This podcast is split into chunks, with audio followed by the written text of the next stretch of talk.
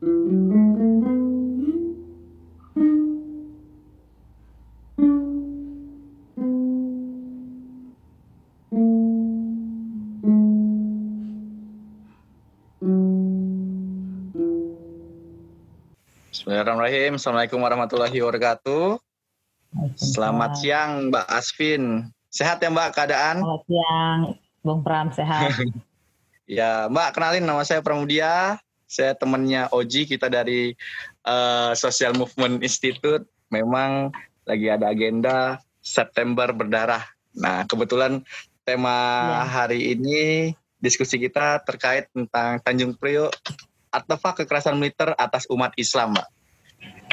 Oke, salam kenal juga. Iya, Mbak. Uh, gini, Mbak, uh, mungkin langsung aja kita langsung ke pembahasan mungkin terkait tadi kan uh, kita dari awal kronologi tragedi Tanjung Priuk, mungkin apa yang melatar belakangi tragedi Tanjung Priuk pada 1984 dan bagaimana sih kronologi Tanjung Priuk yang termasuk ketika bentrok aparat bersenjata yang menembaki, menembaki orang-orang yang tengah takbir kala itu. Terus selanjutnya juga apakah kondisi sosial ekonomi warga Tanjung Priok juga menjadi latar belakang terjadinya kerusuhan? Mengingat kondisi kala itu Tanjung Priok menjadi salah satu basis kelompok Islam yang kuat dan pemukiman padat. Uh, bisa dibilang juga warga warga-warga itu juga kelas buruh, Mbak. Mungkin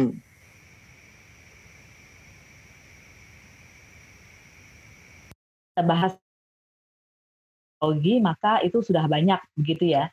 Tapi ada link yang hilang gitu menurut saya dalam eh, cerita pelanggaran-pelanggaran HAM pada masa Orde Baru. Dan kalau kita tidak hati-hati maka kita akan mengekalkan sebetulnya bangunan cerita Harto. Uh, jadi sebetulnya uh, banyak beberapa kejadian sebelumnya uh, termasuk tentu saja ada sebuah tablik akbar uh, salah satu tokoh yang terkenal kan uh, keluarga Biki ya, Amir Biki gitu. Uh, tetapi juga kemudian uh, kita perlu ingat ada uh, rangkaian sikap yang kritis sebetulnya termasuk dalam khotbah-khotbah sholat Jumat dan lain-lain. Dan apa yang disampaikan oleh Amir Biki dan kawan-kawan sebetulnya itu ada pada gelombang yang sama dengan banyak orang pada masa Orde Baru.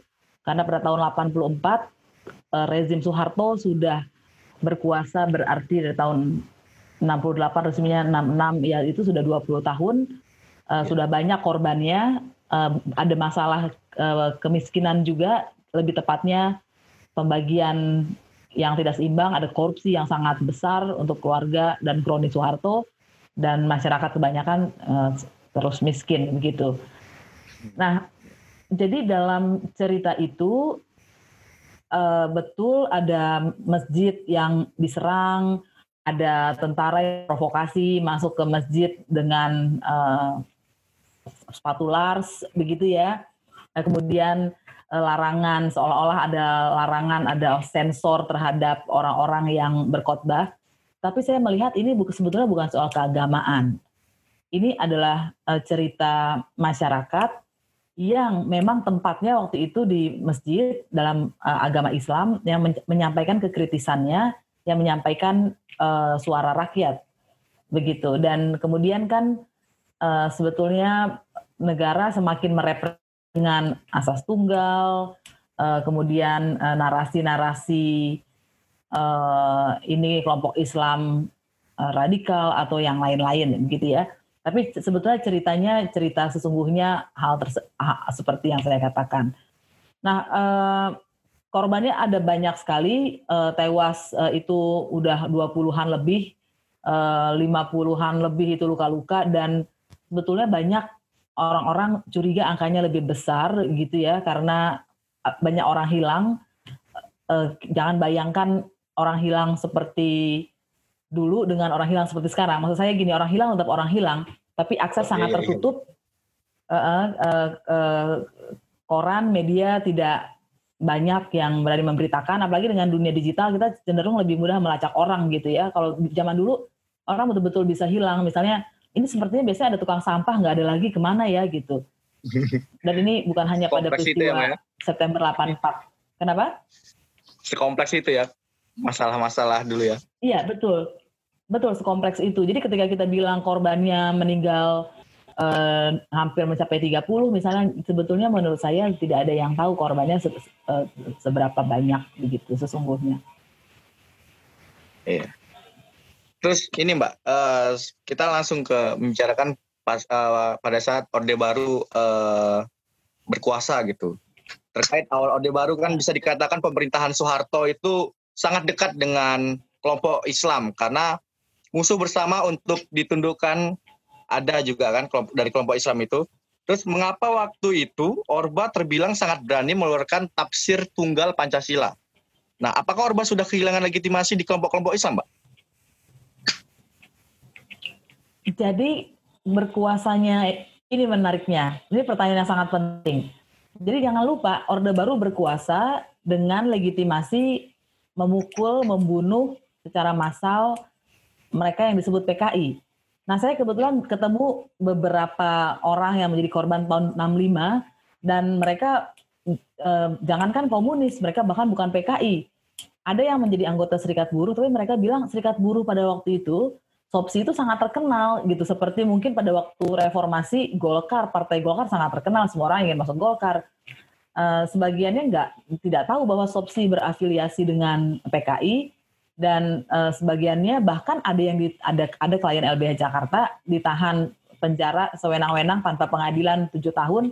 Itu nggak suka sama PKI jangankan uh, masuk PKI gitu. Jadi ini ada ada simpatisan Bung Karno yang kemudian distigma sebagai PKI dan karena Orde Baru membunuhi mengklaim bahwa mereka membunuh menumpas PKI maka seakan-akan segaris dengan Islam gitu ya Nah ini ini kecerdasan yang luar biasa menurut saya dari uh, Soeharto dan tentara tentara-tentara dan orang-orang di sekeliling lainnya.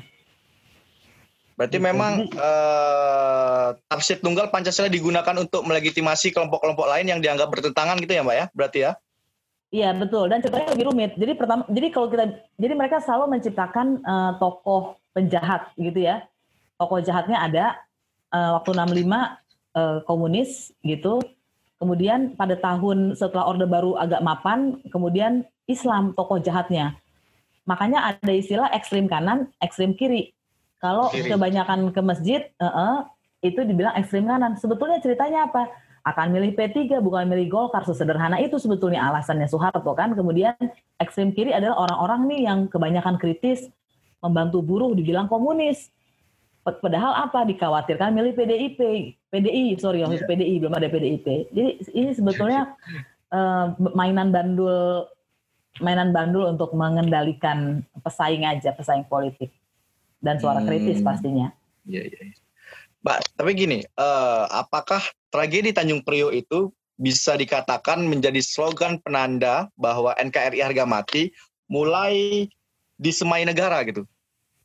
tragedi dari Tanjung ya. Priok itu? Iya pasti ya, uh, pasti uh, karena misalnya pasca peristiwa itu kan ada beberapa orang yang di framing kasusnya adalah uh, subversif dan uh, marongrong bahkan menyelewengkan ideologi serta haluan negara yang sah gitu dan uh, terakhir bahkan uh, AM Fatwa begitu yang kita kenal uh, ditahan juga uh, karena menuliskan lembar putih mengenai uh, peristiwa ini gitu dan terkena subversi.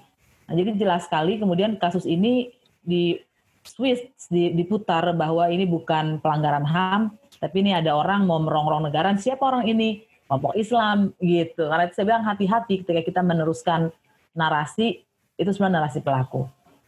Hmm. Jadi memang seperti itu. Berarti yang melatar belakangi uh, bisa bisa dikatakan memang salah satu yang melatar belakangi uh, tragedi adalah Babinsa dan Koramil juga bisa dikatakan, Mbak. Uh, terus dari kedua itu datanglah salah satu musola yang ada di Tanjung Priok itu tragedinya kan tadi kan. Ya. Kemudian mereka mencopot pamflet dan mencoret-coret dengan piloks pada pamflet yang dianggap berisi ujaran kebencian. Mengapa uh, pertanyaannya adalah mengapa waktu itu Babinsa sangat efektif untuk mendisiplinkan warga dan mengapa negara menurunkan aparat kekerasannya bahkan sampai level desa? Mengapa negara mempertahankan kombinasi antara tafsir tunggal Pancasila dan alat kekerasan negara. Dalam artian eh, dalam kurung ya kita tanda petik itu ya militer dan polisi. Ya, jadi ini, ini ciri-ciri negara otoriter. Ini uh, template gitu ya. Jadi ada pengendalian sejak unit paling kecil. Babinsa itu kan adanya di bawah. Jadi kita sebetulnya ya. negara sedang memata-matai masyarakat, sedang memata-matai rakyat sejak uh, rumah, sejak unit terkecil. Sejak RT RW itu mengerikan sekali. Jadi mereka, mereka memang tugasnya memata-matai warga dan kemudian tinggal lapor sehingga kemudian akan dipanggil ke Kodim, ke, ke Korem, ke Kodim gitu dan seterusnya. Dan jangan lupa polisi waktu itu adalah bagian dari TNI kan, jadi juga represif. Iya, iya, iya. Bri ya. Dulu dulu mereka memang uh, antara TNI dan Polri itu gabung ya Mbak ya, berarti ya. ABRI Mbak. Ya? Iya, betul. ABRI, betul. Angkatan keempat. Mbak, mengapa data mengenai jumlah korban dalam tragedi itu berbeda-beda, Mbak? Nah, karena negara kan negara yang diawali dengan Panglima ABRI saat itu itu adalah Benyamin Murdani selaku mengatakan bahwa 18 orang tewas dan 53 orang luka-luka. Sementara data yang lain mengatakan ratusan orang yang menjadi korban. Kenapa bisa terjadi seperti itu, Mbak? Ya, itu bukti yang itu bukti memang tidak ada pengakuan dari negara. Jadi ketika negara melakukan pelanggaran HAM, dia pasti mau memperkecil persoalannya. Bentuknya adalah mengurangi jumlah korban. Uh, itu itu bagian sebetulnya dari menyembunyikan sebesar apa dan juga bagian dari mengurangi kesalahan pelaku kalau nggak bisa nanti mau dibebaskan lah pelakunya makanya korban-korban kan kemudian ditempeli ini Eh, subversif, mengubah haluan negara itu sebetulnya supaya salahnya berubah dari pelaku korban menjadi pelaku. Hmm. Ya seperti itu Mbak ya. Ya. Dan ini Mbak, uh, kalau memang kita apa telusuri lagi, telusuri lagi uh, kepentingan negara tuh pada saat itu dengan mengatakan data korban yang terbilang sedikit dibandingkan dibandingkan data yang dihimpun solidaritas untuk peristiwa Tanjung Priok itu apa gitu Mbak? Ya, uh, pertama kan pasti mereka kalau bisa mengatakan korbannya nol gitu. Cuma karena iya, sudah ya, ketahuan tidak nol, uh, uh, karena sudah ketahuan nggak mungkin nol ya mereka cari lain memperkecil. Jadi itu level-level umum sampai sekarang sebenarnya terjadi. Pertama, uh, eh, apa namanya mengatakan per, peristiwanya tidak ada. Kalau peristiwanya ada, itu angka, korbannya kecil. Atau kalau tidak, ini bukan salah hanya salah kami, tapi masyarakatnya juga menyerang, begitu kan? Iya benar. Dalam kasus Tanjung Priok kan itu sebetulnya narasi-narasi itu juga keluar bahwa yang hmm. duluan uh, memukul, memperingatkan tentara itu adalah masyarakat gitu. Hmm. Juga memang bahwa negara negara pada saat itu juga otoriter bisa dikatakan sangat, negara waktu itu sangat sangat otoriter. Iya, negara waktu itu sangat sangat otoriter. Hmm. Juga ini, Mbak, uh, Soeharto kan dalam salah satu kutipannya juga peristiwa Tanjung Priok adalah hasil hasutan sejumlah pimpinan di sana. Nah, itu kan mengembalikan bahwa kasus itu juga uh, masa uh, gara-gara masyarakat juga karena pimpinan-pimpinan yang di sana. Terus melaksanakan keyakinan dan syarikat Betul. agama tertentu juga tentu saja boleh katanya. Tetapi kenyataannya ia mengacau dan menghasut rakyat untuk memberontak, menuntut dikeluarkannya orang yang ditahan terhadap yang melanggar hukum. Ya tentunya harus diambil tindakan. Kutipan tersebut bisa dibilang Soeharto tidak menyesalkan kejadian tersebut, Mbak.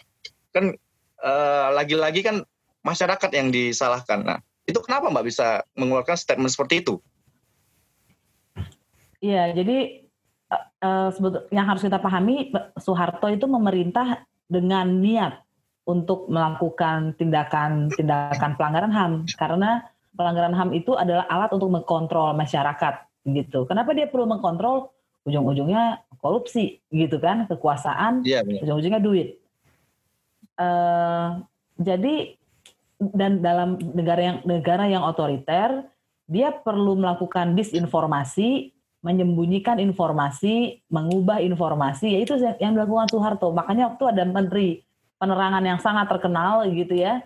Uh, hmm. Karena dia adalah garda depan untuk memutar balik pikirannya masyarakat atau setidak-tidaknya uh, meninabobokan masyarakat dan masyarakat tidak tahu ada suatu masalah di negara ini. Ya. Mungkin itu ya Mbak ya. Nah mungkin ini Mbak, uh, terakhir mungkin yang Mbak Asvin ingin sampaikan dalam peringatan peristiwa Tanjung Priuk kali ini kepada negara dan para anak muda itu apa sih Mbak? Mungkin terakhir kita segmen hari ini. Iya. Ada pengadilan untuk Tanjung Priuk, uh, tapi kemudian ganti rugi yang sudah diberikan uh, hilang, uh, tersangka terdakwa dibebaskan, semuanya luluh lantak begitu. Eh, kemudian eh, peristiwa Tanjung Priuk akhirnya hanya meninggalkan luka bagi korban, bagi keluarga korban, dan agar ini tidak terulang lagi, setidak-tidaknya yang bisa kita lakukan kalau kita tidak bisa mendorong kasus ini agar dituntaskan, jangan sampai ada peristiwa seperti Tanjung Priuk lagi yang terjadi. Bagaimana itu bisa terjadi? Bagaimana itu bisa bisa bagaimana peristiwa supaya peristiwa seperti itu tidak terjadi? Jadi ya kita harus sama-sama mengawasi uh, negara agar tidak melakukan pelanggaran hak asasi manusia. Karena kekuasaan punya kecenderungan untuk disalahgunakan, punya kecenderungan untuk melakukan pelanggaran HAM. Tanpa kontrol dari masyarakat, peristiwa seperti ini pasti akan terulang lagi. Harus mengawal negara untuk tidak melanggar hak asasi manusia gitu ya Mbak ya, untuk negara ya Mbak ya? Iya, betul. Oke, baik Mbak Aspin. Terima kasih Mbak Aspin atas bincang-bincang pada siang hari ini. Mungkin itu saja Mbak Aspin yang bisa kita lakukan pada hari ini. Uh, sukses terus Mbak dalam agenda-agendanya, sukses di LBHI. Mungkin saya akhiri. Assalamualaikum warahmatullahi wabarakatuh.